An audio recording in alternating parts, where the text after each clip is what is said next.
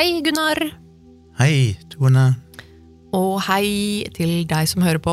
Og vi håper jo at du har hatt en veldig fin påske. Vi har hatt en liten påskeferie, eh, i gåseøyne. Eh, I hvert fall tok vi en liten påskepause for å, for å feire litt påske i forrige uke.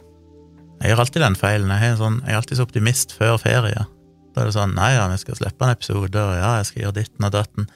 Ja, Men når men, ferien kommer, så blir jeg grepet av feriemodus. Så er det sånn åh, det var deilig å bare ha hatt fri nå. Så, ja, og så er det noe med at men, men jeg tenker at intensjonen var jo der, på en måte. Eh, Men så ble det ble travelt, og vi orka ikke. rett og slett litt mye ja, eh, litt mye styr, for vi var jo faktisk eh, og besøkte folk i påsken og sånn, og da ble det plutselig litt sånn ferieaktig, og så, ja.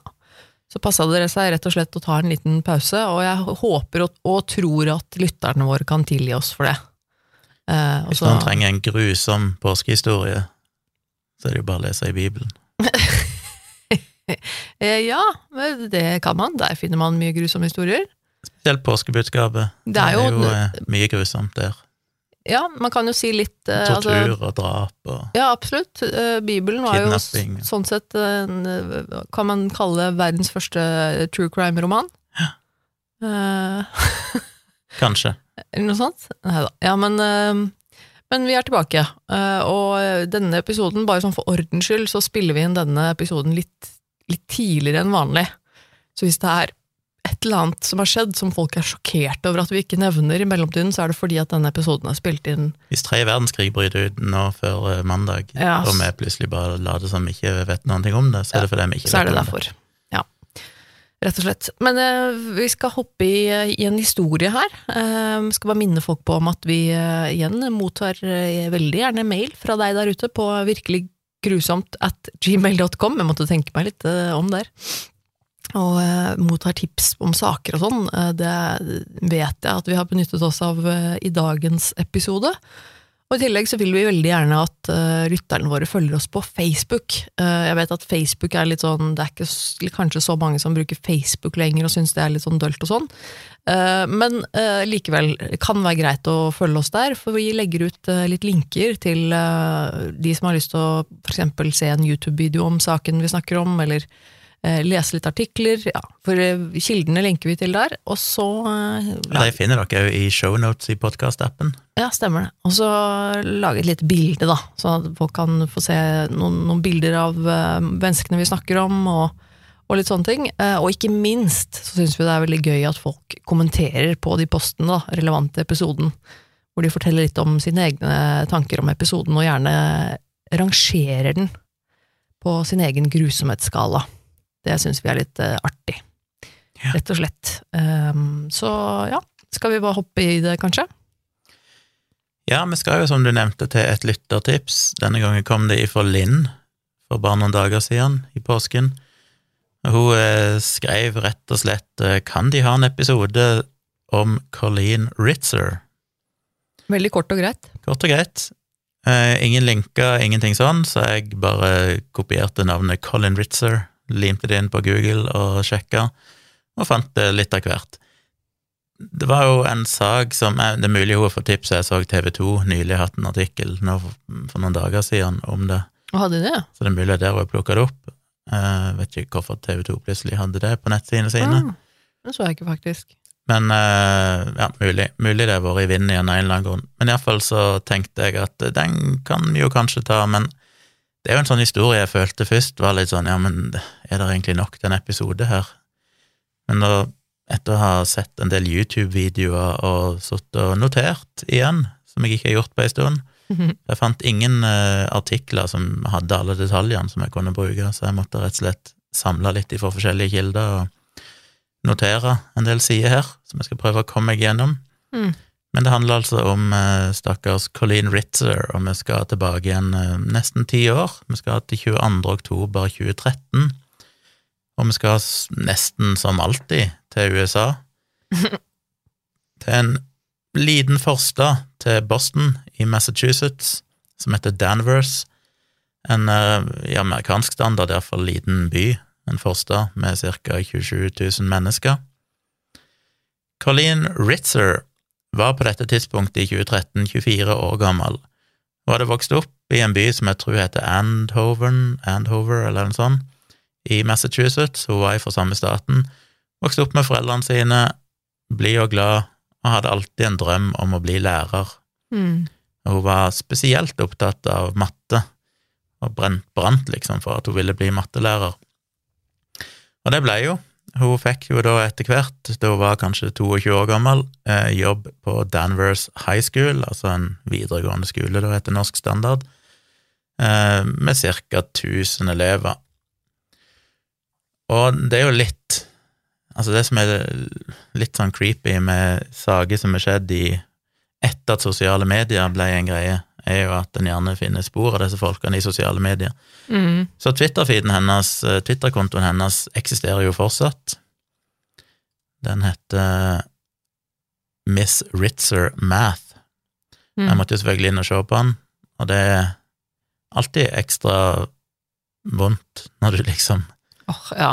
Ja, når du ser eh, Twitter-kontoen eller Facebook-profilen til noen som er døde. Det er litt rart hvordan det gjør det mer ekte, i hvert fall for meg, og kanskje liksom for holdt jeg på å si, vår generasjon, eller vi som er vant til å bruke sosiale medier når det er saker som er såpass nye, og du fortsatt kan gå inn og se på ting de har postet i sosiale medier. Det, det er litt sånn creepy på en helt egen måte. Jeg vet liksom. jeg ikke er den eneste, for det at hver gang det er en eller annen sånn ulykke eller drapssak i media og navnet kommer fram, så må jeg alltid rette inn på Facebook og finne profilen og se. Å ja. Og Det er et eller annet med liksom, hva var det siste de posta, hvor lenge før de døde posta de det? Mm. Og alltid når jeg går inn på Facebook og søker på navnet, så kommer jo alltid navnet opp som første forslag, for det er tydeligvis sikkert tusenvis av andre som har søkt på akkurat samme navn. Ah, ja, ja. Mm. Eh, Men her er altså Colleen Ritzer sin, nei, sin eh, Twitter-konto, som per nå er fulgt av 2300 mennesker, men i den ene videoen jeg så der de hadde screenshot fra Twitter-kontoen, så var det 1500 eller sånn som fulgte, og den ble jo laga en stund etter hun døde, så eh, det er tydeligvis folk som fortsatt følger henne. Det er litt interessant når følgertallet går opp etter en person er død. ja, det er litt sånn trist, egentlig, på en måte. Det kommer neppe til å komme noe mer der. Men hennes siste tweet Åh. ble posta i 21. oktober, altså to dager før denne hendelsen. Hun bruker jo Twitter-feeden sin, den ser litt sånn kryptisk ut, men det er tydeligvis at det er veldig internt for eh, andre elever. Hun poster sidetall og bøker og oppgaver og hjemmelekser elevene skal gjøre. Mm. Det virker som hun liksom, elevene følger henne på Twitter, og så bruker hun det som en informasjonskanal. Jeg vet ikke om det er vanlig, jeg går ikke på skole, jeg har ikke Nei. barn i skolealder, men, men jeg syns det virka så, så kult da, at hun på en måte brukte den sosiale medieplattformen til å formidle matteoppgaver og clues, og jeg vet ikke det, akkurat hva hun gjorde, da, men det, men det var litt sånn Ja. Det virka som om hun hadde et engasjement for å gjøre liksom, matte til et morsomt fag for elevene, på et vis. At hun gjorde det til en litt sånn kul greie. Det virker Ja. litt sånn kult. Hun har jo som eh, bio på Twitter-profilen sin, så har hun skrevet 'Math teacher often too excited about the topics I'm teaching'. Hun var jo en sånn person som blir beskrevet som veldig lidenskapelig lærer, og Mm. ville, liksom brant for å inspirere elevene, og ville hjelpe dem, og ville bruke kreative metoder for å få dem til engasjert i undervisningen. Og hun var jo veldig godt likt av både elevene og kollegaer, og det ser han jo kanskje da på Twitter-feeden her, at eh, at det er når man bare Jeg glemte gjort det, å se på den siste tweeten, for der sa jeg plutselig det er 193 svar. Ja, det, Ja. Yes, det er samme dagen som dette skjedde, 23, eller dagen etterpå, 23. oktober 2013, så er jo folk posta sånn REP, REP, Ah, ja. RIP. Nei, men det er Så jo det er mye sånne, sånne, sånne type lærere som er ofte de beste lærerne. De som er Ja. virkelig engasjerte og brenner for faget sitt. Det er så, det er så mye De er ofte mye bedre til å, til å lære bort også. Så fikk vel jobb der i 2011, og hadde altså jobba der to år. Og akkurat denne dagen, 22. oktober 2013, så fulgte hun sin vanlige rutine, og det var å komme på jobb litt før klokka sju, jobbe med undervisning hele dagen, og så reise hjem til foreldrene som hun bodde sammen med fortsatt, ca. halv fire på ettermiddagen. Så det var sånn dagene gikk for henne. Den andre karakteren i denne historien er jo da en eh, 14 år gammel gutt som heter Philip Chisholm. Var det sånn det uttales? Chisholm? Eller var det Jeg Chisholm? Ja, jeg tror det var Chisholm.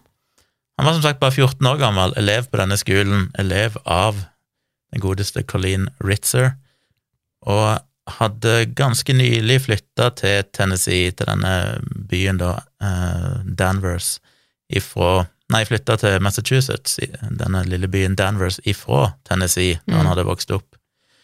Og grunnen til at de hadde flytta til Tennessee, det var nok mye at foreldrene var midt i en ganske mm, ikke så grei skilsmisse, og mora tok med seg han, jeg vet egentlig ikke om han hadde søsken, men iallfall tok med seg han, og flytta av gårde ifra mannen. Jeg har vel skjønt at en plass syns jeg jeg leste at mannen kanskje hadde vært litt sånn, altså faren til Philip, litt sånn ugrei, voldelig kanskje, mot uh, mora hans. Men Mm. det vet jeg ikke helt, det er ikke så mye informasjon om det. Nei. Der han vokste opp i Tennessee, så hadde han jo et stort nettverk. Han var veldig godt likt. Han var aktiv med fotball. Eh, hadde en fotballtrener han eh, var veldig opptatt av. Han hadde gode venner, selvfølgelig skole klassemiljø og alt dette her. Så han ville jo ikke flytte, som er ganske naturlig når du er i den alderen. Det er ikke noe kult å flytte ifra vennene dine. Og husk, det å flytte til en annen stat i USA er jo basically som å flytte til et annet land omtrent i Europa, med tanke på avstand og størrelse. Og da han kom til Massachusetts, så likte han ikke skolen. Det trenger vel ikke bety at det var noe galt med skolen, men det er vel kanskje sånn når du flytter i den alderen, så er det jo fort gjort å ikke like den nye skolen, for det er ikke det du er vant med. Men han eh, mistrivdes nok til en viss grad. Han hadde jo blitt beskrevet tidligere som at han, han var for det første veldig flink fotballspiller, og liksom toppskårer på laget, og viste veldig mye glede når han hadde skåret, så var han tydelig et sånn stort smil. Han har vel ei, så vidt jeg skjønte, så er vel han Jeg lurer på om faren var hvit amerikansk, mens mora var brasiliansk, eller sånn motsatt, men han var iallfall Ja. halvt, tror jeg. Halvt eller helt, ikke helt sikker. Brasiliansk. Så Mm. derfor var han jo mørkere i huden enn eh, den jevne hvite amerikaner. Han kjente jo egentlig ingen i Massachusetts, og han hadde jo begynt på skolen det skoleåret, så han hadde bare gått på skolen da i et par måneder, han starta vel i august, så han var relativt fersk der. Men han eh, ble engasjert i fotballaget på den skolen òg, i Danvers, og ble populær der òg, han var jo flink. Han ble jo beskrevet av alle vennene sine som veldig ja, høflig, medgjørlig, men ganske stille. Mm. Og det ble vel òg beskrevet at han etter hvert eh, så viste han vel ikke helt den samme gleden han spiste, fo spilte fotball lenger. Når han skårte, så var det ikke noe sånn stort smil sånn som tidligere, og sånn, så det var tydelig at ting var ikke helt sånn som det pleide å være. Mm. Og så ble det jo nevnt at han, eh, han på et tidspunkt hadde spurt læreren sin, jeg vet ikke om det var Colleen eller en annen lærer, om han kunne bli flytta opp i en sånn spesialklasse, for han trengte litt mer utfordring Å, som ble oppfatta som litt rart, fordi at han egentlig var en ganske sånn middelmådig, altså helt vanlig student, var ikke noen spesielle evner, og okay. stadig vekk gjorde han ikke leksene sine og sånn, så det, det virka litt rart. Det var bare en Mm. sånn liten side note, Ja, uten at jeg jeg helt vet hva det betyr. tror ikke jeg har fått med meg det. Yes. På denne dagen, 22. oktober 2013, så kom Colleen på jobb iført en lilla skjorte, eller bluse, og en svart bukse. Og det var ikke helt tilfeldig, for det, akkurat den dagen så hadde de noe sånn dress like a friend, eller noe sånn dag. Så tydelig at et eller annet opplegg der to og to skal kle seg helt likt. Ah, Så hun hadde en kollega som heter Sarah, som var kledd helt matchende hun. jeg lurte på hvorfor hun kollegaen på de overvåkningsbildene hadde, hadde samme klær på. Jeg syns det var Ja. så rart. Men da skjønner jeg. Ikke helt tilfeldig. Klokka ett denne dagen så gikk Philip til mattetime da, med Colleen som lærer. Dette var siste timen den dagen. I den timen så oppførte han seg helt normalt, selv om noen har sagt at han kanskje var litt mer stille enn vanlig. Det var ikke noe konflikt eller noe som utspilte seg mellom eh, Philip og Colleen. Timen var ferdig klokka 13.55, og etter den siste timen så hadde de det sånn at elevene som ville, eller eventuelt måtte, kunne sitte helt til klokka 14.30 i klasserommet og jobbe litt videre med skolearbeid og få litt ekstra hjelp ifra læreren. Mm. Men det var bare to elever som gjorde det, og det var Philip, og det var en medstudent som heter Autumn. Og eh, det var Colleen da som ble igjen som lærer. Autumn så at Colleen gikk ned og begynte å prate litt med Philip, var vel et eller annet med at han satt og egentlig bare tegna der inne, så spurte vi litt om det, men så begynte hun å spørre litt om Tennessee, om han savna Tennessee og sånn. Og hun var veldig hyggelig og, og helt rolig, spurte han av genuin interesse, prøve å gjøre litt, skape litt samtale med han. Men Philip ble helt tydeligvis litt irritert av dette, og mumla bare noen svar tilbake. Så Colleen skjønte vel at det var et litt ubehagelig tema for han, så hun skifta tema og begynte å snakke om noe annet. Mm.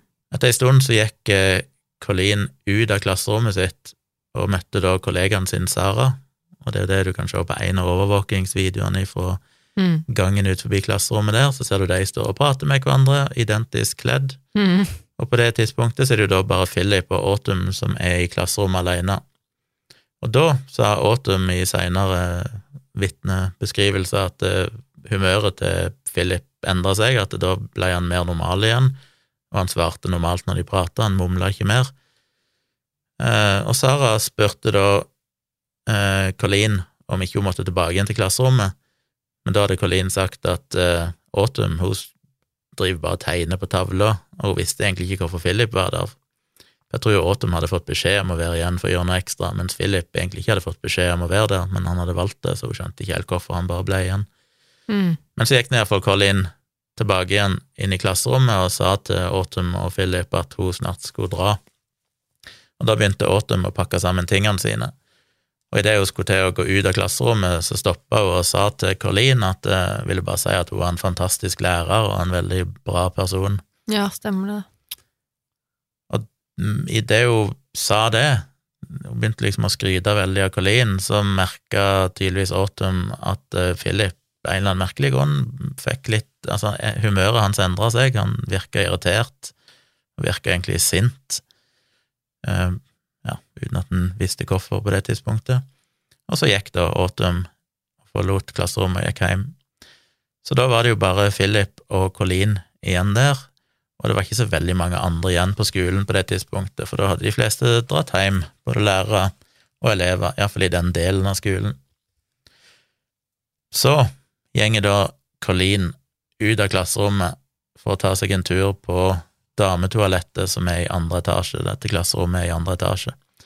Og det kan du da se på overvåkingskamera. Du ser at hun kommer ut av klasserommet, går bortover gangen, og like etterpå, bare noen få sekunder etterpå, så ser du plutselig Philip komme ut og runde et hjørne, og så ser han litt etter henne, og på det tidspunktet så har han på seg ei lyseblå treningsjakke, men tidligere så hadde han på seg ei rød treningsjakke da han kom på skolen. Eh, Han går ut i gangen, sjekker den ene lomma, og så snur han seg og går tilbake igjen til klasserommet. Og veldig kort tid etterpå så kommer han ut igjen, men nå har han trukket hetta på, på treningsjakka over hodet, Mm. og så følger han etter den veien som Colleen gikk. Så finnes det et annet klipp litt seinere der du ser han går inn et overvåkingskamera som filmer på en måte inngangen til dette toalettet, og da kan du se han tar på seg noen hvite hansker, Mm. og jeg vet ikke om du ser denne plass, men på det tidspunktet så viser det seg jo da at han har en tapetkniv i lomma, og du kan se, visstnok, jeg har ikke sett det sjøl, men det blir beskrevet at akkurat der så kan du jo se at han stopper opp ei stund ut forbi toalettet, som om han skal bare høre om det er noen i nærheten, og så går han inn på toalettet. Og der inne så angriper han Colleen, Dette finnes det jo ikke noe overvåkningskamera fra inne på doen, da. er inne på doen, så der har de ikke kamera, heldigvis. Eh, Men eh, der angriper han da hun, og så vet han selvfølgelig ikke akkurat hva som skjedde, men det han har funnet seinere, er at han nok kvalte henne, voldtok henne, og stakk henne 16 ganger i halsen med kniv, før han også kuttet over strupen på henne.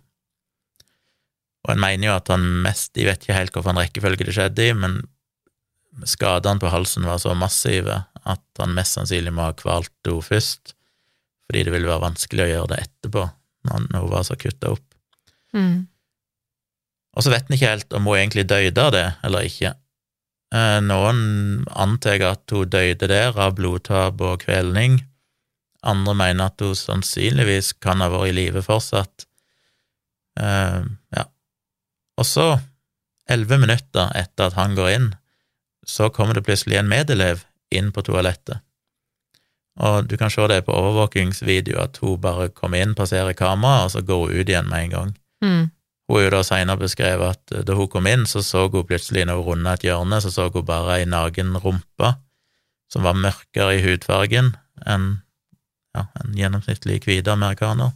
Mm. Ikke si gjennomsnittlig, men en, en, en hvit person. Ja. Så en eller annen som var mørkere i huden, og hun hadde bare antatt at det var noen som drev og skifta klær der inne, så hun følte at sånn, vops, eh, det var litt pinlig, så hun bare gikk ut igjen med en gang. Mm.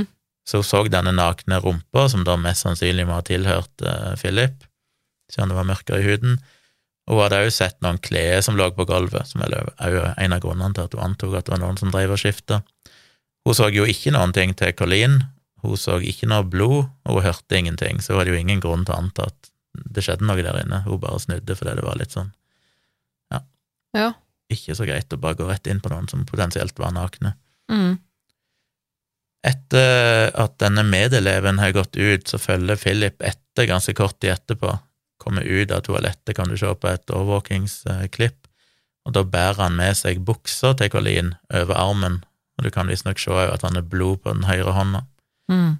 Han går ned ei trapp, ned til første etasje, og ut av skolen, og der blir han observert av en, ei mor til en annen elev som sitter og venter i bilen på parkeringsplassen der ute. Hun sier at, eller hun har sagt at hun så at han kom ut, og så gikk han inn i noen busker og liksom gjemte seg, og der enten så skifta han, eller så dro han på seg noen bukser, men han kom iallfall ut igjen for de buksene uten å bære på, på denne buksa som han hadde hatt med seg, eh, og hadde da på seg ei hvit T-skjorte.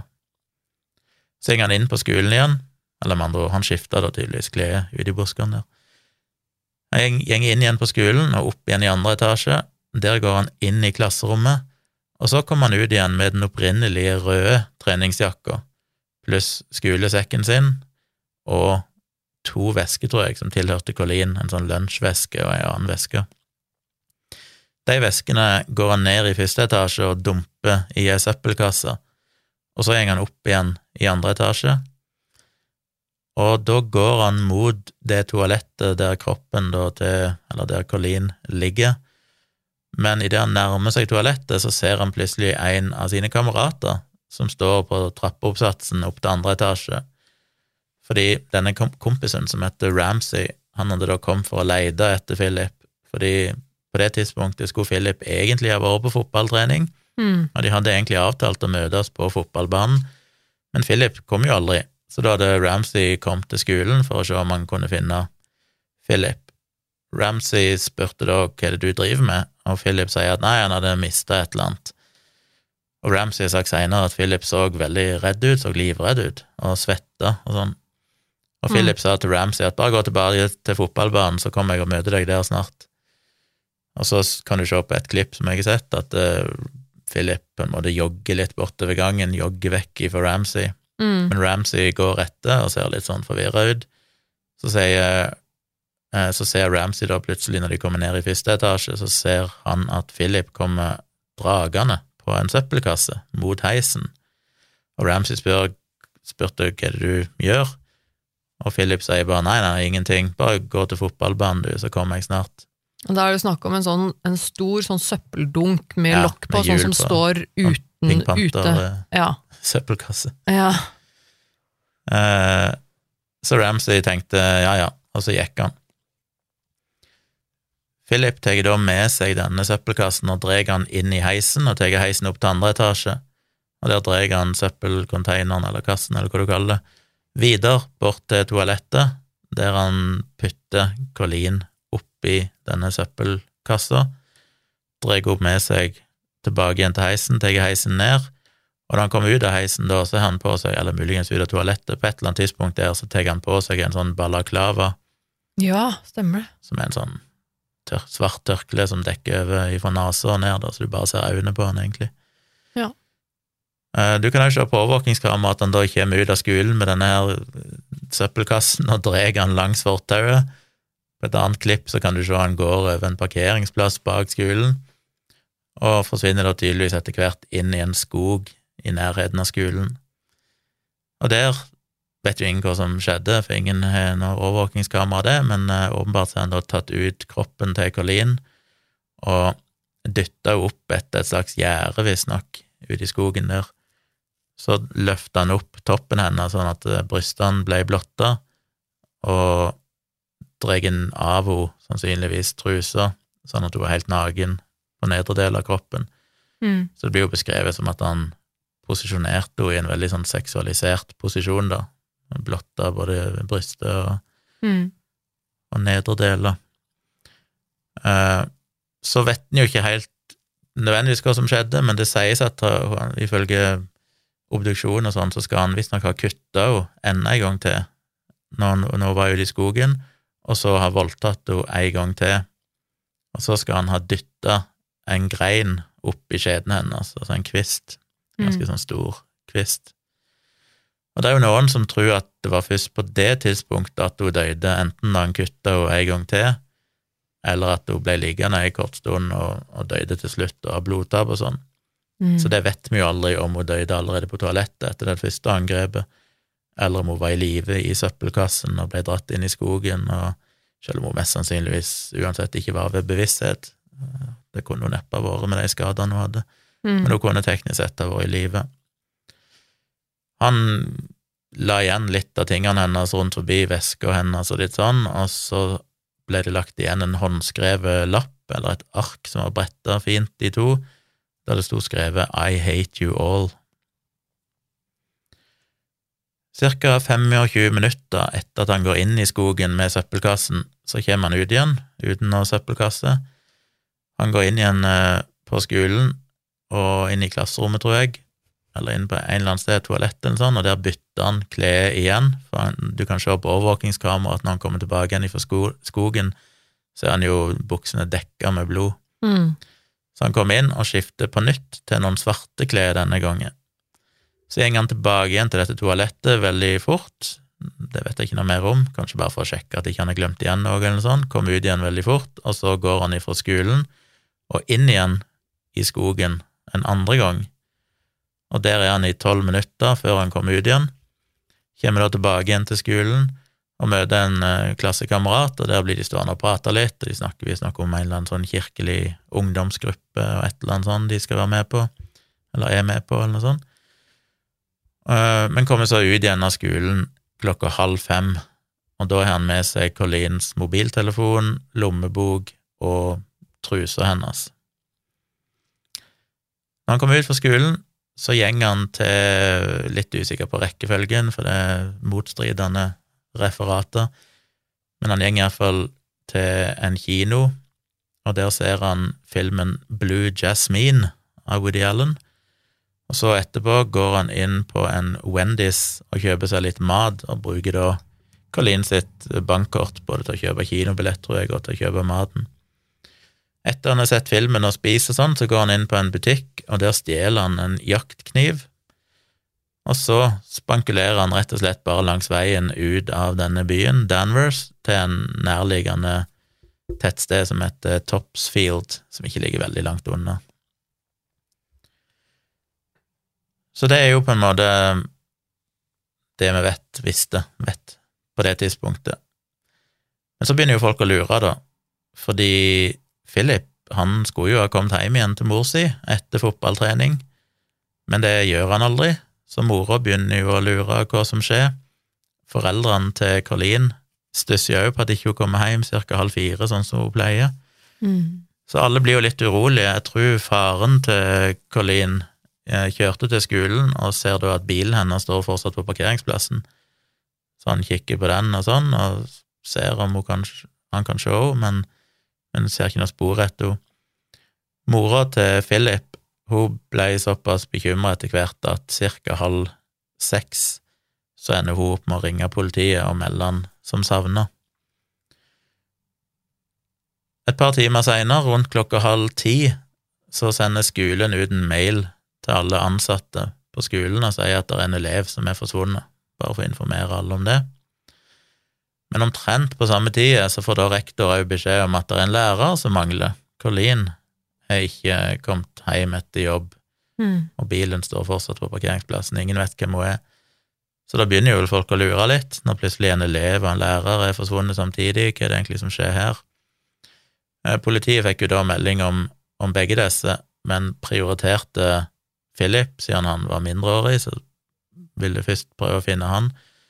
Og så vidt jeg har skjønt, så sjekka de da mobiltelefonen, jeg tror de rett og slett sendte sånn ping-signal til mobilen hans, og fikk vel da eh, spore han via mobilmast og sånn til at svaret kom ifra kinoen. Så tror jeg de gjorde det igjen kort tid seinere, men da kom det ikke noe svar på den pingen, så da han kanskje skulle ha mobiltelefonen sin. Så det politiet i Danvers de søkte rundt i gatene og prøvde å finne Philip, men hadde ikke noe hell med det. Så begynte de å se gjennom overvåkingskameraopptak fra skolen, og de gikk òg inn på skolen og begynte å gjennomsøke lokalene. Og da de kom inn på dette dametoalettet i andre etasje, så fant de litt blod der inne. Og da begynte de å tenke at her kan det jo ha skjedd et eller annet. Så da begynte de å, å søke rundt skolen, og etter en liten stund så fant de veska til Colleen eh, i utkanten av skogen der, tror jeg. Den var helt tom, og da begynte de å ane uråd når hun er forsvunnet, og de finner veska hennes ute i skogen, og den tydeligvis er tømt for innhold, så skjønner de vel at dette kommer ikke til å gå. Dette blir kanskje ikke noen happy ending. Politiet i Topsfield de eh, var rundt på sin vanlige patrulje, kjørte langs veien, da de plutselig så en ung gutt gående langs veien klokka ett på natta. Og det å gå langs eh, den sånn ganske trafikkert hovedvei i mørket virka ikke helt trygt, så de stoppa og spurte hvem han var og hvor han skulle. Han svarte bare nei, han skulle ikke noe plass. Spurte de hvor han kom ifra. Tennessee, sa han. Og det er jo mm. veldig langt å gå, hvis han hadde gått helt ja. fra Tennessee. Så de eh, ransaka han, og der fant de Colleen sin ID-kort og bankkort på han. Mm. Men det ringte ingen bjelle for dem da, for at Colleen var på det tidspunktet ikke rapportert som savna til liksom andre kanskje enn det lokale politiet i Danvers, så det, det ringte ingen bjelle. Men de fant fort ut at Philip var jo meldt savna, så de tok han med seg til politistasjonen og begynte da å ransake han mer grundig og gikk gjennom sekken hans, og i sekken så fant de da trusa, ei dametruse, de fant eh, nøkler, de fant lommebok, og de fant òg en tapetkniv som var dekka av blod. Og Da spurte de først hvor han hadde, hvorfor han hadde de tingene på seg, ID-en hennes, altså bankkortet hennes og truse og alt det der. Da sa han vel først, litt jeg har skjønt, at han hadde funnet det ved en bensinstasjon, men så endra mm. han vel fort historien til at han hadde stjålet det, han brutt seg inn i bilen hennes og stjålet det fra bilen. Men så begynte de å spørre om denne tapetkniven som var dekka av blod, og spurte hvem er det som, hvem sitt blod er det, og da svarte han bare jenter, jenter sitt blod. Mm. Så spurte de ja, hvor er denne jenta, nei, hun er begrava i skogen. Og et par timer etter at de først fant han, så fant jeg òg et sånn leidemannskap som drev og tråla rundt i skogen, fant jo da kroppen av Colleen klokka tre på natta, drept. Så Philip, han endte jo opp med å bli sikta for overlagt drap. Han ble sikta for en såkalt natural rape, eh, naturlig voldtekt, vet ikke hva det er, tilsvarer på norsk, men òg for en unaturlig voldtekt, som er hvis du tydeligvis voldtar folk med en gjenstand, ja. eller penetrerer folk med en gjenstand, da. Han ble jo sikta for væpna ran, og ifølge den eh, ene domsprotokollen der, så, så gjaldt det Av en eller annen grunn så er det kun truser som er nevnt. Det at han stjal truser og var bevæpna med tapetkniv, gjorde dette da til et væpna ran. Mm, okay. Det var ganske idiotisk av han da. Hadde han ikke tatt tingene hennes, i det minste, så hadde han ikke blitt sikta for det, men Han blei eh... Ja, jeg kan vel, før jeg sier hvordan det gikk, så kan jeg jo bare si at eh, etter at han ble tatt, da, dagen etter, altså på natta da 23. oktober 2013, og de skjønte jo veldig fort at han var involvert, han nekta vel egentlig aldri for ja, Eller han innrømte det vel heller ikke, men han, han innrømte jo at han hadde blodet til denne jenta, og hun var mm. begravd i skogen, så de skjønte jo at det var en sammenheng her, og de hadde jo overvåkingskamera, opptak av han og alt det der, så det var egentlig aldri noe tvil om at han hadde drept henne. Så han ble jo satt i en sånn eh, detention center, eller sånn ungdomsanstalt, eller et eller annet sånt, forvaring, Mm. Varetekt. varetekt, fram til rettssaken starta litt over to år seinere. Den starta vel i november 2015. Og mens han var der, så angrep han jo faktisk en kvinnelig ansatt Ja. i en ganske sånn lik hendelse, der hun var på vei til toalettet, og han plutselig angrep henne med en spissa blyant Det er så drøyt. og la henne i bakken og prøvde å kvele henne og slo i ansiktet. Hun skreik og fikk heldigvis da hjelp av andre ansatte der ganske fort. Hun ble aldri alvorlig skada. Men akkurat den saken ble jo aldri en del av den rettssaken som omhandla drapet på Colleen Ritzer. Jeg skulle kanskje tro at det ville vært relevant med tanke på liksom sinnstilstand og om han var tilregnelig og alt mulig sånn, men juryen i den hovedrettssaken skulle kun fokusere på drapet på Colleen Ritzer. Så Ja. de fikk jo aldri, jeg tror ikke de ble informert engang om, om det som hadde skjedd på denne, trodde, denne forvaringssituasjonen. jeg trodde den, eh, den over, overfallssaken også ble en del av Det ble, en, Saken eh, ble ikke en del av den hovedrettssaken, men jeg har skjønt at den skulle prøves seinere, for han ble faktisk sikta for drapsforsøk Ja, for ja, den hendelsen der. Mm. Men det skulle være en separat Ja. rettssak, men den er ikke funnet noe informasjon om, så vet jeg egentlig hvordan det gikk. Mm. Det var jo aldri noe tvil om skyld, og i rettssaken så prøvde jo heller ikke forsvareren hans å hevde at han ikke var skyldig, selv om han sjøl vel pleada not guilty når han ble spurt. Men det var ikke en del av forsvaret, det handler ikke om å prøve å renvaske han på noen måte. Som vanlig så var det jo dette med å prøve å få han til å fremstå som utilregnelig, og det jobba de jo hardt med. De hadde vel, så jeg har skjønt, iallfall sju intervjuer med sannsynligvis en psykiater eller psykolog eller et eller annet. Det er også poeng å, å si da, at han faktisk ble siktet som voksen, selv om han bare var 14 år gammel. Ja. Uh, og det, så vidt jeg skjønte, så var det på grunn av at uh, i den staten der, der de bodde, at uh, siden, siden saken var så alvorlig, siden det dreide seg om drap, så ble han da siktet som voksen og ikke som mindreårig. Ja, det står noe her om det eh, Så dette her ble jo en, en holdt jeg på å si, ordentlig rettssak, Ja. hvor han står tiltalt for mord, da, selv om han er 14 år gammel gutt. I Massachusetts så ble loven endra i 1996, og da ble det sånn at alle som er 14 år eller eldre, som er sikta for overlagt drap Mm. eller a second felony, står det, ikke om det betyr at du sikter for to ting på en gang, to alvorlige saker parallelt, eller et eller annet sånt, men da blir det iallfall automatisk eh, sikt, nei, eh, Trial as an ja, adult. prøvd som en voksen, da. Ja. Og sånn har det vært siden 1996. Eh, og i 2013, altså samme år, rett, eh, ja, to år før hans rettssak, så var det jo sånn at alle som var 17 år eller eldre, ble sikta som, eller ble eh, Hva heter det? Prøvd? Dømt? Ikke dømt, men uh, rettssaken Jeg vet, ja, jeg Ja. vet ikke om vi, hva slags ord vi bruker på det på norsk. Ja. Det er iallfall behandla som om de var voksne, uansett hva de hadde gjort, hvis det var en rettssak.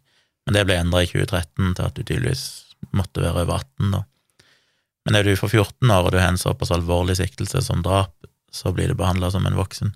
Men det gjelder Det er likevel én liten forskjell, og det er jo hvor strengt du kan dømmes. Du kan fortsatt eh, Hvis du er eh, over 18, så kan du dømmes til livstid, det blir du automatisk dømt til hvis du er overlagt drap, men du har ikke noe rett til prøveløslatelse. Mm, ja, skjønner. Men hvis du er mellom 14 og 18, så er du rett til prøveløslatelse etter enten 15 eller 25 år, avhengig av hva dommeren sjøl Mm. mener. Og det var, ble vel òg kanskje endra i 1996, jeg er ikke helt sikker.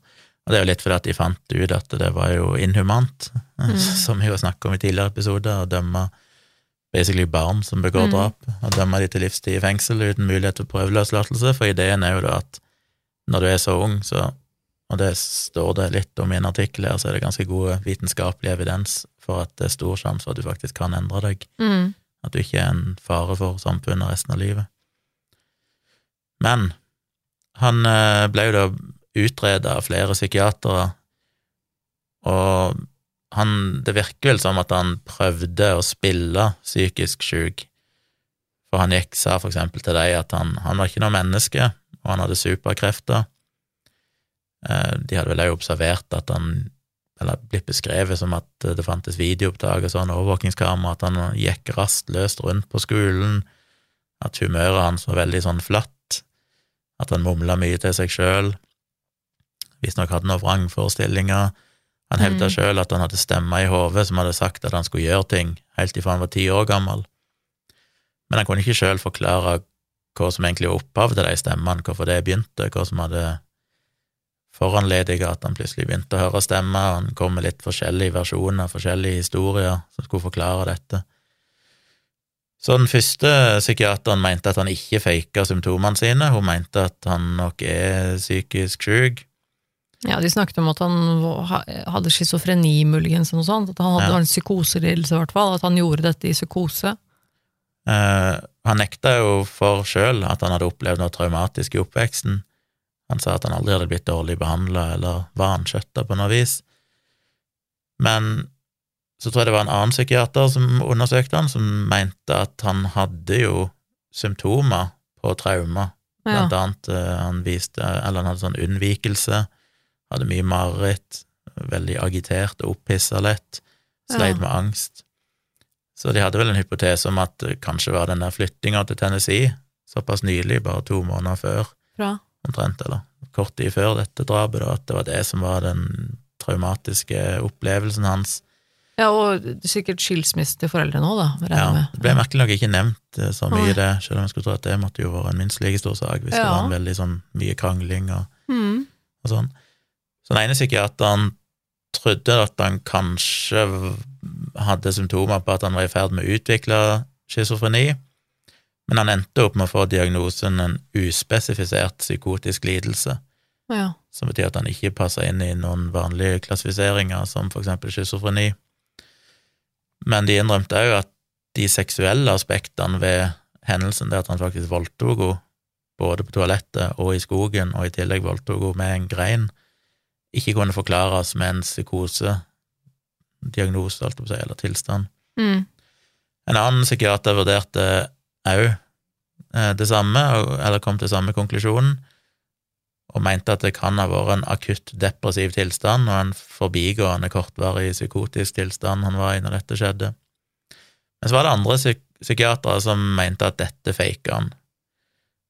Eh, og det vet de, mener de, basert på at det finnes en del tester, jeg husker ikke helt hva de heter, men det finnes en del sånne som hvis han skal være gode, som du kan bruke for å prøve å finne ut av om noen faker symptomene sine eller ikke. Ja. Og de mente de var veldig overbevist om at dette var ting han faka, han overdrev symptomene sine for å prøve å fremstå som at han ikke var tilregnelig, Mm. og symptomene han utviste var heller ikke i tråd med noen kjent psykisk diagnose eller sykdom, så det var litt sånn omstridt hva som var, var greia. Det er vel mye som tyder på at han nok sannsynligvis må ha hatt et slags psykotisk anfall, kortvarig muligens. Eh, Det er ikke helt usannsynlig, det. Ok. eh, er det folk som mener jeg har sett. Men Mm. uansett, han vant ikke så veldig fram med denne her, og det gjør de nesten aldri. Den der plead insanity eh, funker visstnok veldig sjelden i USA, og det er mye fordi at juryene som regel ser på det som en sånn cop-out, at da slipper de billig unna, liksom.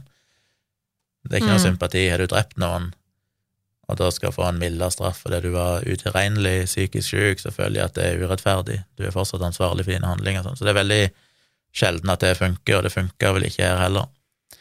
Så han endte jo opp med å bli dømt for overlagt drap, som da ga han livsvarig fengsel, og da er det jo snakk om faktisk livsvarig, eh, men kunne søke om prøveløslatelse etter 25 år. For voldtekten, den naturlige voldtekten på toalettet iallfall, og muligens i skogen, så fikk han 40 års fengsel pluss én dag. Jeg lurer på hva den der pluss én dag kom av. Ja, jeg vet ikke. For den unaturlige voldtekten så ble han frikjent, og det, dette var det eneste punktet juryen dis diskuterte. Altså væpna ran. Eh, han ble jo dømt for 40 år pluss én dag for væpna ran, Mm. som er virker litt sånn Hadde du sett vekk fra de andre tingene, at han bare kom med en tapetkniv og stjal trusa hennes, så er det rart du skal få 40 år fengsel for det. Ja, Jesus. Så det er litt sånn rart at du får 40 år for væpna ran i sånn situasjon. Jeg skjønner det jo i konteksten av at han faktisk voldtok og drepte henne, men skal du ha det som en separat liksom Mm. eh, siktelse og dom, så er det rart at den er så alvorlig. Men han fikk 40 år for naturlig voldtekt, 40 år for væpna ran og, og livsvarig for overlagt drap. Men den unaturlige voldtekten var det eneste de endte opp med å diskutere, for de tre andre siktelsene var det ikke noe tvil om. Det var bare sånn, ok, dette er alle enige om. Men det som var spørsmålet, og det er jo litt grotesk, er jo var hun død Mm. eller levende Ja. når hun fikk denne kvisten stukket opp i skjeden sin i skogen. Fordi ifølge Massachusetts lov, og sikkert de fleste andre plasser, så kan du ikke dømmes for voldtekt hvis det er et lik du voldtar. ja, det var vel sånn at de ikke har noe lov mot likskjenning. Ja, det er ikke noe lov mot likskjending i det hele tatt, nei, så det kunne han heller ikke straffes for. Og det skjønner jeg jo at det kan bli litt tricky, da, for da du kan jo faktisk ikke påse akkurat, eh, eller bevise akkurat når hun døde. Nei, så lenge det skal være uh, uh, dette her med uh, Hva heter det? Eh, sannsynlig tvil eh, Hva er begrepet? Heva over Hun er rimelig tvil. rimelig tvil. Så måtte de vel nesten frikjenne han for det, Ja, for de kunne jo ikke vite sikkert. Altså, det var jo en rimelig tvil om hun faktisk var levende eller ikke, mm, og det var jo flere som, som mente at hun måtte nok ha dødd på det toalettet, mm, så var det andre som mente at sånn, en viss sjanse, ikke så veldig stor, men det fantes en sjanse for at hun fortsatt var i live i skogen. Men eh, de kunne ikke si det sikkert nok da, til å kunne dømme han for den voldtekten. Men de dommene ble jo, han ble jo dømt til å sone de parallelt, så det er ikke livsvarig pluss 40 år pluss 40 år etter hverandre, det er samtidig. mm, Så det betyr i praksis at eh, han ikke kan søke om prøveløslatelse før om 40 år. ja. Fordi selv om han egentlig kan søke etter 25 år, så hjelper ikke det når han har 40 år for de to andre som skal sones parallelt, og de kan han ikke søke om prøveløslatelse fra. Så først når han er 54 år gammel, så kan han da søke om prøveløslatelse. Og det er vel mange som tviler på at han noen gang slipper ut, blant annet fordi han da angrep hun eh, vakten inne på denne ungdomsanstalten, eller den der han satt i forvaring, Mm, som kan være et veldig dårlig tegn på om han egentlig er helt trygg. Så et argument mot den psykisk sykdom-hypotesen er jo selvfølgelig at dette bar veldig preg av å være planlagt. Ja. Han kom jo tross alt på skolen med tapetkniv, med balaklava, med flere klesskift, Mm, eh, så det, var, det vel liten tvil om at dette var noe han hadde tenkt å gjøre. Dette Det var ikke var noe jo- som skjedde i affekt plutselig. Det er jo veldig rart hvis det ikke skulle vært overlagt, på en måte. Det er jo ellers ikke noe grunn til at han skulle hatt med seg de tingene på skolen den dagen. Det er jo mye som tyder på at han planla hvordan han skulle slippe unna med det, for eksempel det at han skulle eh, ta med seg tingene hennes, eh, dumpe det i skogen, prøve å kvitte seg med og, og forsvinne ut av byen med en gang, til nabobyen. Så jeg må si at det var et forbanna dårlig forsøk, altså. Ja, altså, samtidig så var det jo ekstremt, så inkriminerte han jo seg sjøl umiddelbart ved å bare bruke bankkortet hennes på Wendy's og kinoen, som er sånn Ja, Han har hatt en slags plan, men også det at det er eh, overvåkningskamera. Ja, ikke sant? Men det er jo sånn overvåkningskamera også overalt. Ja, det er så dumt når du ser det overvåkningsklippet der han først kommer ut etter henne når hun skal på do, og så er det akkurat som han kom på at oi, shit, det er et kamera der. Så går han inn igjen i klasserommet, og så trekker han hetta over hodet, og så kommer han ut igjen. Så er det sånn eh, Det er kanskje litt seint å komme ut når du allerede er blitt filma med fullt ansikt tydelig og ser på kamera, så hjelper det ikke så mye om du trekker hetta over hodet på andre forsøk. Nei, det, det Så det så, sånn- men det er så mange ting her som bare er sånn Men hvor, hva er dette for et dårlig forsøk? Sånn, når, for du har jo vitner også, ikke sant? Du har vitner som har sett Som har sett dem sammen. Fordi, altså, Mm. Både Colleen og Nå har jeg glemt navnet hans, jeg. Eh, Hvem er de? eh, han, han Ah, ja, Philip. eh, Philip, eh, som har sett Colleen og Philip sammen. Det er jo de siste som har sett dem i live, på en måte. da. Jeg har jo sett dem sammen i klasserommet. De hadde jo en annen elev der. Eh, og så plutselig så blir begge to missing samtidig. Og så er det jo eh,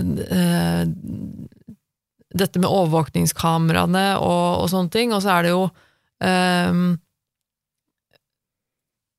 ja, hun der medeleven Autumn, hun var jo i klasserommet med dem, hun vet jo at de var sammen. Ja, og, jo, eh, og vitner. Flere vitner som Flere også så eh, Philip utenfor og i skolen med denne søppelkonteineren, eller søppelbøtta med hjul, liksom. Det var vel òg en elev jeg, som hadde sett han dra den der søppelkonteineren inn i skogen. Ja. Og bare tenkt sånn, ja, ok, hva han driver med? Ja, liksom? for jeg husker ikke om det var en elev eller om det var en, en, en foresatt som venta på noen, eller et eller annet, som hadde sett han dra på den der svære kassa Mm. bortover fortauet. Sånn, du, du, du kommer ikke unna med dette her. Det er Altså, så alle de overvåkingsvideoene som både viser at han går inn på doen etter og alt det der, men òg at han kommer inn igjen med masse blod på klærne sine. Ja. Liksom. Det er ikke helt uh, Og at han også går inn og ut av det sånn tre ganger, skifter han klær. Men, men det er en detalj også som du ikke tok opp, som uh, jeg lurer på uh, For det var et eller annet med den derre vaskinga av den doen. Fordi Ja. at uh, visstnok når han drepte henne, eller, eller knivstakk henne inne på den doen, så ble det jo veldig blodig der. Mm. Eh, og det, det var på Jeg husker ikke hvem det var som beskrev det, men som har sagt at det må ha vært Det må ha vært veldig mye blod. Eh, men av en eller annen eh, Men eh, for jeg så en av de videoene jeg så, eller et eller annet, så var det en eller annen vaskepersonell som ble bedt om å, å vaske det opp. Fordi at det var en eller annen miscommunication med noe språk eller noe sånt, noe som gjorde at Ja. han han hadde bare begynt å vaske det med en gang, altså eh, crime-scenen, liksom. Åstedet hadde blitt vasket. Eh, Men de hadde likevel, på tross av at han hadde vasket det, så hadde de funnet noen blodrester på den ene veggen liksom nederst et eller annet, hvor det ikke var bra nok vasket til at de faktisk hadde funnet rester av blod. da. Som også Pluss en diamantørering. ja, fant. ja, stemmer det. Pluss, eh, øredobben hennes og sånn, som da tilsier at, uh, hun, at, hun, at det har skjedd noe der inne. Som, eh, som også er bevis på at det Ja, pluss at du ser jo at hun kommer inn, men det er jo ingenting som Ja. viser at hun kommer ut igjen noen gang. Så hun må nødvendigvis ha dødd der, det er ikke så mye tvil om det. Nei, ikke sant. Det må jo nevnes, som jeg vel kanskje ikke sa, at han her, selv om han bare var 14 år, så var han jo 1,80 et eller annet høy, og Ja. ganske veltrent, mens hun var 1,60 et eller annet.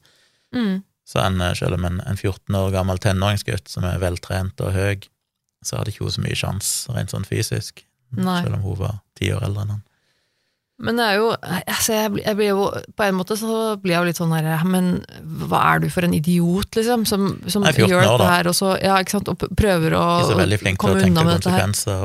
og. Ja, men så er det akkurat det, at du liksom kommer på at han er jo faktisk bare 14 år gammel, denne mannen her. Mm.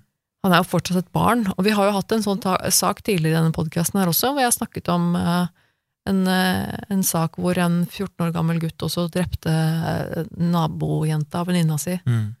Um, og det er veldig, veldig tragisk.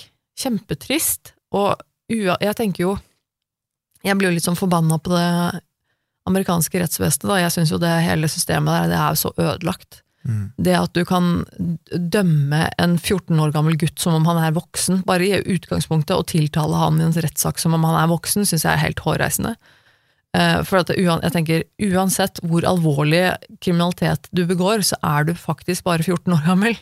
Det er liksom bare, selv, om du, selv om du planlegger å drepe noen, og faktisk går og dreper noen, så tenker jeg jo at ja, men du, du kommer ikke forbi det faktum at vedkommende faktisk er 14 år gammel. Du er ikke voksen når du er 14 år gammel.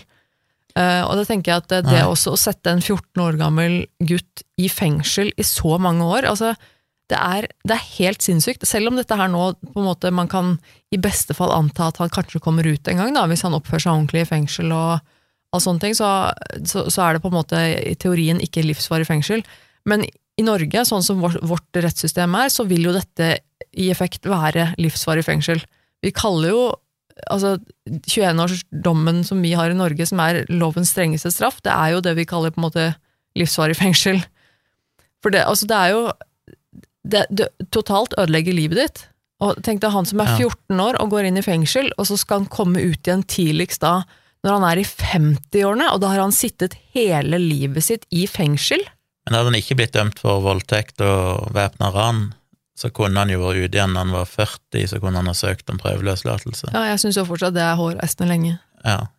Men eh, Og det er jo veldig rart for meg å tenke at Jeg mener, jeg er jo litt over 40, eller 47, men jeg kan liksom huske når jeg var 40, og jeg kan på en måte huske når jeg var 14.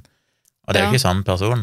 Nei, det er jo ikke det, ikke Den sant? ideen om at 25 år i fengsel, at du da skal være, ha de samme tankene og meningene 25 år Altså, én ting er jo forskjellen fra du er 25 og, 5, og til du er 50, men forskjellen fra 14 til Fra 40 er jo mye, mye større. Ekstremt. Altså Bare forskjellen fra du er 14 til du er 18 er Jeg jo skjønner ikke hva det er med amerikanerne. Eneste grunnen til at de har den eh, livsvarig fengsel uten mulighet for prøveløslatelse som voksne kan få, Ja. det er jo fordi at det er det nærmeste de kommer dødsstraff. De har fjerna Ja. dødsstraff, og så må de liksom bare ett hakk ned ifra dødsstraff, og da er det bare å sperre folk inne hele livet uten noen mulighet for å komme ut igjen. Ja. Og så er de da litt snillere med barn, at de får lov å komme ut etter, eller søke om å komme ut etter 25 år. Men det er liksom Nei, Nei, altså- det er absurd for meg at du kan dømmes så strengt, og, og da få 40 år. Bare det òg. Jeg er enig i at voldtekt skal straffes hardt, men du kan ikke straffe en voldtekt med 40 års fengsel. Når du, spesielt når du er et barn, når du gjennomfører det. I hvert fall ikke når du er 14 år gammel. Altså, jeg syns det er helt Jeg synes det er tragisk, fordi at du har... ha, Altså, Da 40 år for å ha stjålet ei, ei truse er jo liksom ja, det er jo helt absurd. Helt absurd. Det er vanskelig å forstå det hele rettsvesenet. Man skal selvfølgelig, ja, man skal ha respekt for at eh, selv et væpnet ran, uansett hvor tullete det kan høres ut, så er det folk som blir traumatisert og, og skadet og sånn, og det, selvfølgelig, det skal man ta hensyn til, men likevel så er 40 år for et sånn type væpnet ran eh, Altså, det, Nei, det bare henger ikke sammen med andre typer, andre typer kriminalitet.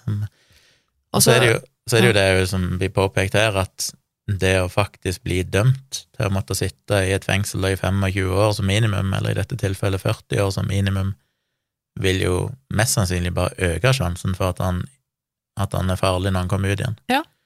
Altså hadde han blitt behandla som et barn og plassert i et slags ungdomsfengsel med behandling og sånn, så er det jo stor sjanse for at han kunne vært trygg etter noen år. Ja. Men det å sette han inn i et voksenfengsel, Ja. som han da blir satt i, i 40 år, det er helt absurd. vil jo bare øke sjansen for at han aldri kommer til å være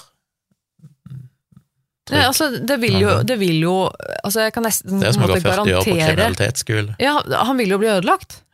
Han vil jo ikke, og da når han på en måte er blitt, da har blitt 50 år, eller hva, så har han levd hele livet sitt i fengsel.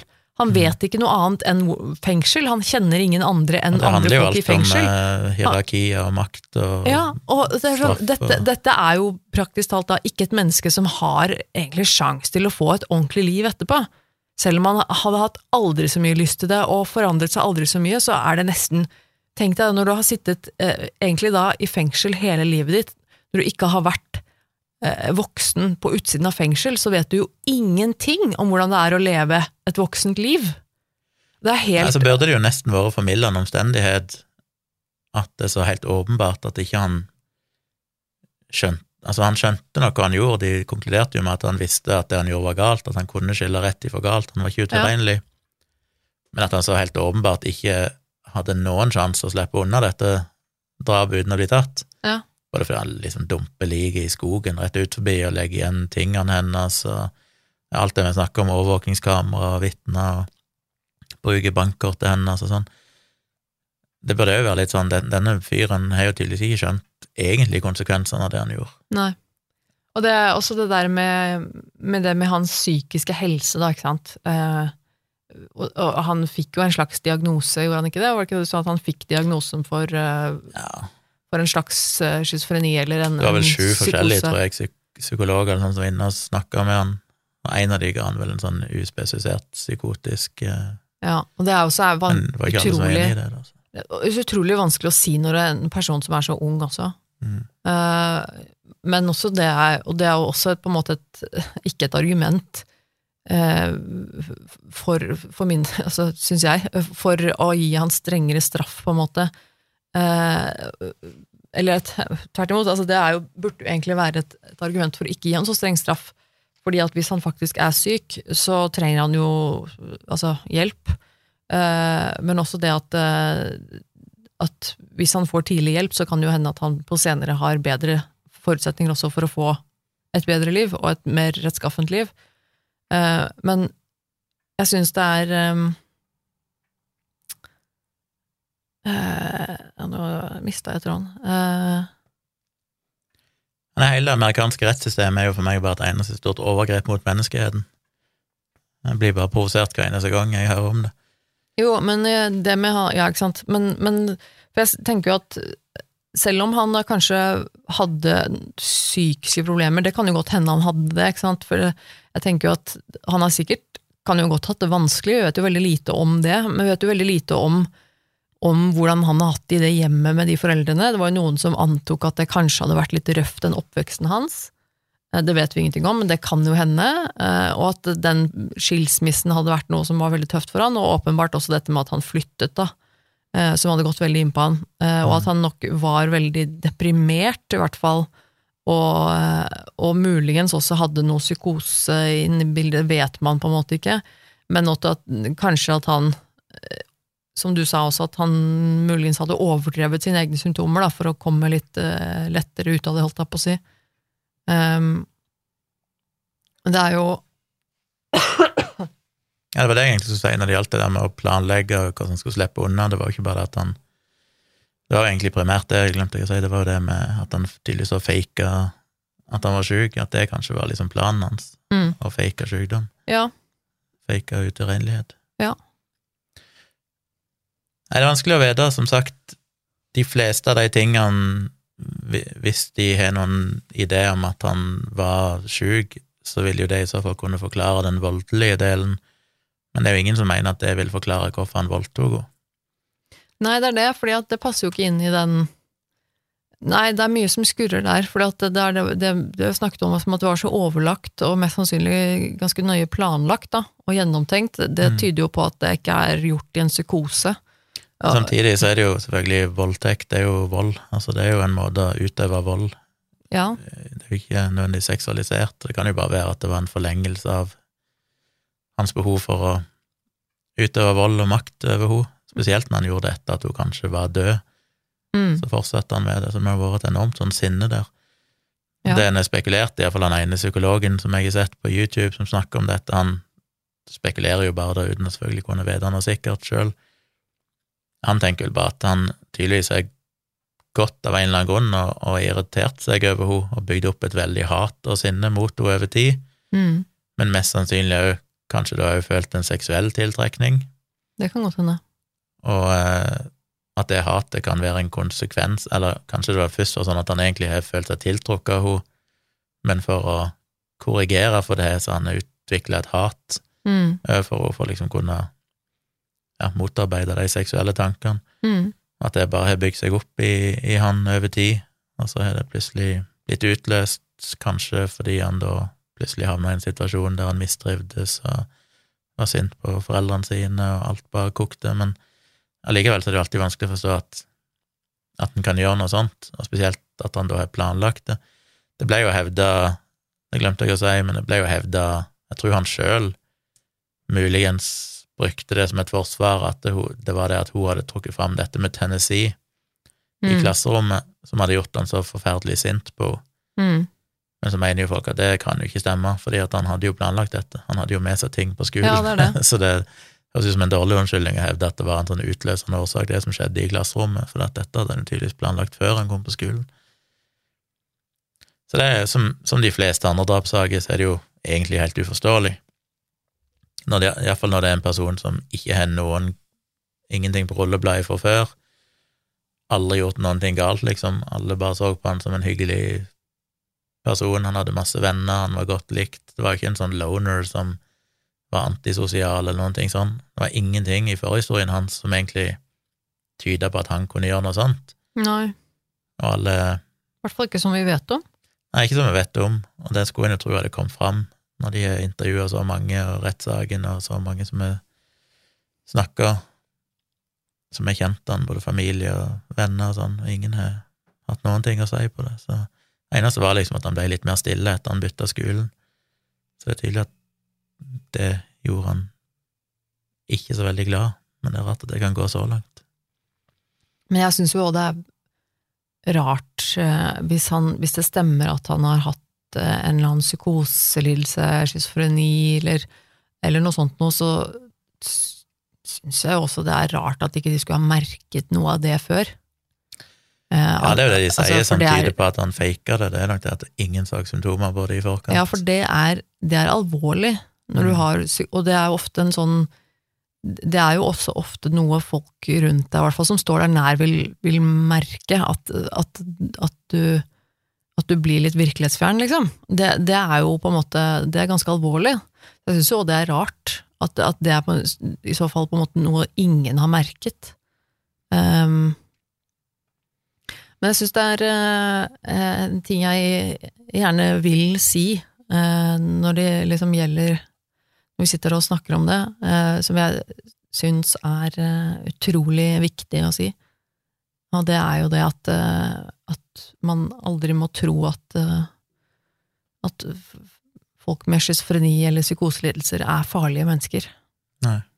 Uh, for ikke så altfor lenge siden så hadde, jeg tror det var NRK sånn som hadde på sosiale medier, jeg følger NRK på Instagram, jeg tror det var NRK, som hadde en, en person som var modig og sto fram og fortalte at vedkommende hadde schizofreni, og, og ville gjerne stå fram med det og si at hei, jeg har schizofreni, men jeg er ikke farlig. Og litt sånn for å motkjempe disse fordommene som finnes mot den type lidelser, for det er dessverre fortsatt mye fordommer mot det. Mm. Og da er det ikke ofte jeg engasjerer meg i kommentarfelt på, på sosiale medier. Det er svært sjelden jeg gjør det, men der, eh, der husker ikke hva, hva, det var, men der husker jeg at jeg ble litt engasjert, fordi at det er en ting som virkelig eh, engasjerer meg litt, og som jeg brenner litt for. Det er det der med, med stigma rundt som ligger der. Eh, med psykiske lidelser og sånn, det syns jeg er, viktig å, å, få litt fjerna. Og det er dessverre fortsatt veldig mange oppfatninger der ute eh, som går på det med at folk med schizofreni er farlige. Eh, mm. Og skumle og mennesker, og, som, og, at det er farlig at folk med schizofreni er, er farlige mennesker. Og det er de ikke. Eh, folk med schizofreni er generelt ikke noe mer eller mindre farlige enn folk flest, generelt. Eh, bare for at man har en schizofrenilidelse, så vil det ikke si at man er voldelig eller farlig for andre mennesker. Eh, og det er litt viktig at man eh, husker på det. Så det er jo det er også sånne ting som gjør meg litt forbanna, hvis det er sånn som i denne saken her, da, hvis han på en måte fant ut at Nå vet jeg jo ikke om det stemmer, men, men hvis det er en sånn unnskyldning som han hadde tenkt å bruke, da, som er sånn jeg, jeg kan bare si at jeg var gæren og, og plead insanity, si at jeg har psykose, og så kan jeg slippe unna med det. Det er også sånn som åh, det kjenner jeg at jeg blir litt sånn forbanna på, for det er sånn Det er så skadelig for så mange mennesker å, å, å gjøre det. Men igjen, eh, han var 14 år. Jeg kan bare ikke øve at han gjorde alt dette liksom midt på lyse dagen på en skole der det var andre folk og bare liksom gjenge opp og ned med blod på klærne, drar en søppelcontainer opp og ned i heisen. Det er helt sykt. Det er sånn helt sånn Det er ganske modig. Det er ganske Modig. ja, det er sånn, da, da er det ikke mye um, konsekvenstenking. Dumdristig, ja. Det, jeg tenker, nei, det jeg satt og så på den, altså, det er på en måte for han ser jo ikke nødvendigvis ut som han er 14 år, for at, som du sier, han, han, er ganske høy ikke sant? Og, mm. og ser forholdsvis voksen ut for, for alderen. Og det er helt sånn merkelig. Når jeg sitter og ser på hele den historien på YouTube, på et eller annet sånt, hvor det som på en måte et sammendrag, så er det sånn Jeg sitter jo, det tar meg selv og sitter og tenker sånn Herregud, men er han helt sånn tilbakestående? Altså, er det er, er, er, han, er han ikke helt Altså, unnskyld meg, altså. Men så, selvfølgelig, nei, han er jo ikke det, men han er jo faktisk bare 14 år. Og det er noe med at eh, det, Jeg tenker jo igjen at det er jo et bevis i seg selv på at du er jo ikke voksen i hodet når du er 14 år. Du har jo ikke Nei, evner til å, til å, tenke rasjonelt og konsekvenstenking på samme måte når du er 14 år som når du er voksen. Jeg skjønner meg ikke på amerikanere, hva som gjør at de kan være Nei. så ivrige etter å dømme barn så strengt. Ja, det er helt det, Jeg syns det er ganske forkastelig. Det er litt ja, motbydelig, rett og slett. Jeg har sagt mye om det. Må vel eh, rangere denne saken her på grusomhetsskalaen vår, da. Ja. Um, det er jo en del eh, grusomme detaljer her. Han, dette er han gjør mot Colin, men også at han overfaller hun andre på dette, dette, denne anstalten senere, um, er jo veldig fælt. Det er jo grusomme ting. Men dette er jo, Vi må jo være ærlige og si at dette er jo ikke noe som havner øverst på skalaen vår, i forhold til alle andre saker vi har hatt, og i forhold til den forrige saken vi hadde, for eksempel, om, eh, om eh, Bar Jonah, som eh, havnet på en tier, så vil jeg si at denne havner nok litt lenger ned på skalaen. Mm. Så vil kanskje si fem. Ja. Jeg, jeg syns nesten Altså midt på treet. Ja, det er litt ett midt på offer. treet. Det er, ja, det er ett offer, men det er på en måte litt to offer òg, for jeg tenker at Ja. han, han er jo nesten et offer. Altså jeg mener, Når han blir satt i fengsel på den måten når han er 14 år gammel, fortsatt et Ja. barn, så vil jeg si at det er ganske tragisk, altså. Så jeg vil jo nesten Han ble jo sviktet, han òg, vil jeg påstå. Så men, men det, som sak overall, eh, med tanke på de sakene vi snakker om her, og de historiene jeg har hørt tidligere, og så videre, så tror jeg jeg havner på en fem, altså. Mm. Hvis dere er uenig i det, så får dere hamre løs på tastaturet i kommentarfeltet inne på Facebook når vi poster denne på mandag. Mm. Vet ikke hvilken dato det blir, men iallfall. Uh, 25. er vel det. Denne kom ut. April. Ellers så er jo jeg eh, Civix, C-I-V-I-X, både på Instagram og Twitter, og dere finner òg Tone der, som Tone Sabro i ett ord. Så følg dere gjerne der òg, der poster vi òg bilder og går an å kommunisere med dere. Men ellers så setter vi jo pris på at dere sender tips og tilbakemeldinger og sånn. Alltid ta det på mail på virkeliggrusomt at gmail.com. Hvis dere sender meg det i innboksen på Instagram, for eksempel, sånn her er et tips, så får dere bare som svar. Send det til mailadressen, eller så drukner det i alt annet. Men vi har det på mail. Da tror jeg vi har fortalt en lang historie som jeg håper dere har kost dere med. Mm. Og så eh, er vi tilbake igjen om ei uke som vanlig. Ja, vi tror det, men det skjer noe veldig spesielt. Men uh, vi håper jo at uh, dere, som du sa Gunnar, vil eh, gå inn og, og kommentere på Facebooken vår, og sjekke ut uh, lenkene vi legger ut der. Og for dere som har lyst til å se en YouTube-dokumentar eller lignende, så, så finner du det der.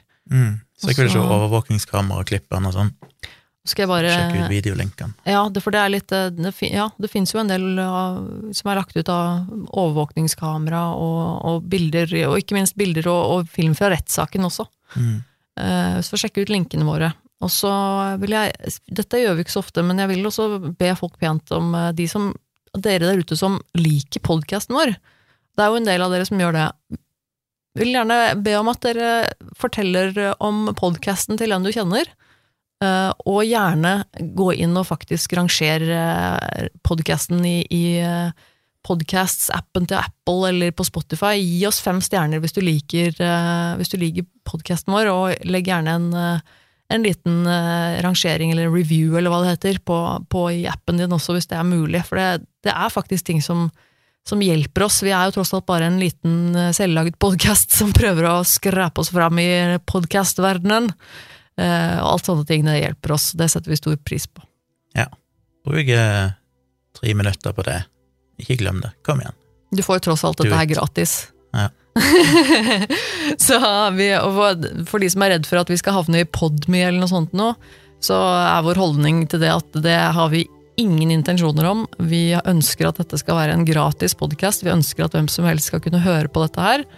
Og da er det Det er det beste argumentet for at dere må eh, gjøre det. Spre ordet, rate dere det dere kan, og alt Ja. det der. Fordi da kan vi klare da- å holde podkasten gratis. Ja, det er noe med det, for da, da kan vi få annonsører, og vi kan få muligheter som gjør at vi kan eh, legge ut dette er gratis for dere, og det vil vi gjerne fortsette med. Mm. Så vil igjen takke alle dere som hører på. Vi setter stor pris på lytterne våre. Syns det er kjempegøy at dere liker podkasten Og så mye hyggelige tilbakemeldinger. Det er veldig Ja, det er veldig hyggelig. Ja. Okay. Så takk for denne gang. Vi høres igjen eh, om en uke. ha det.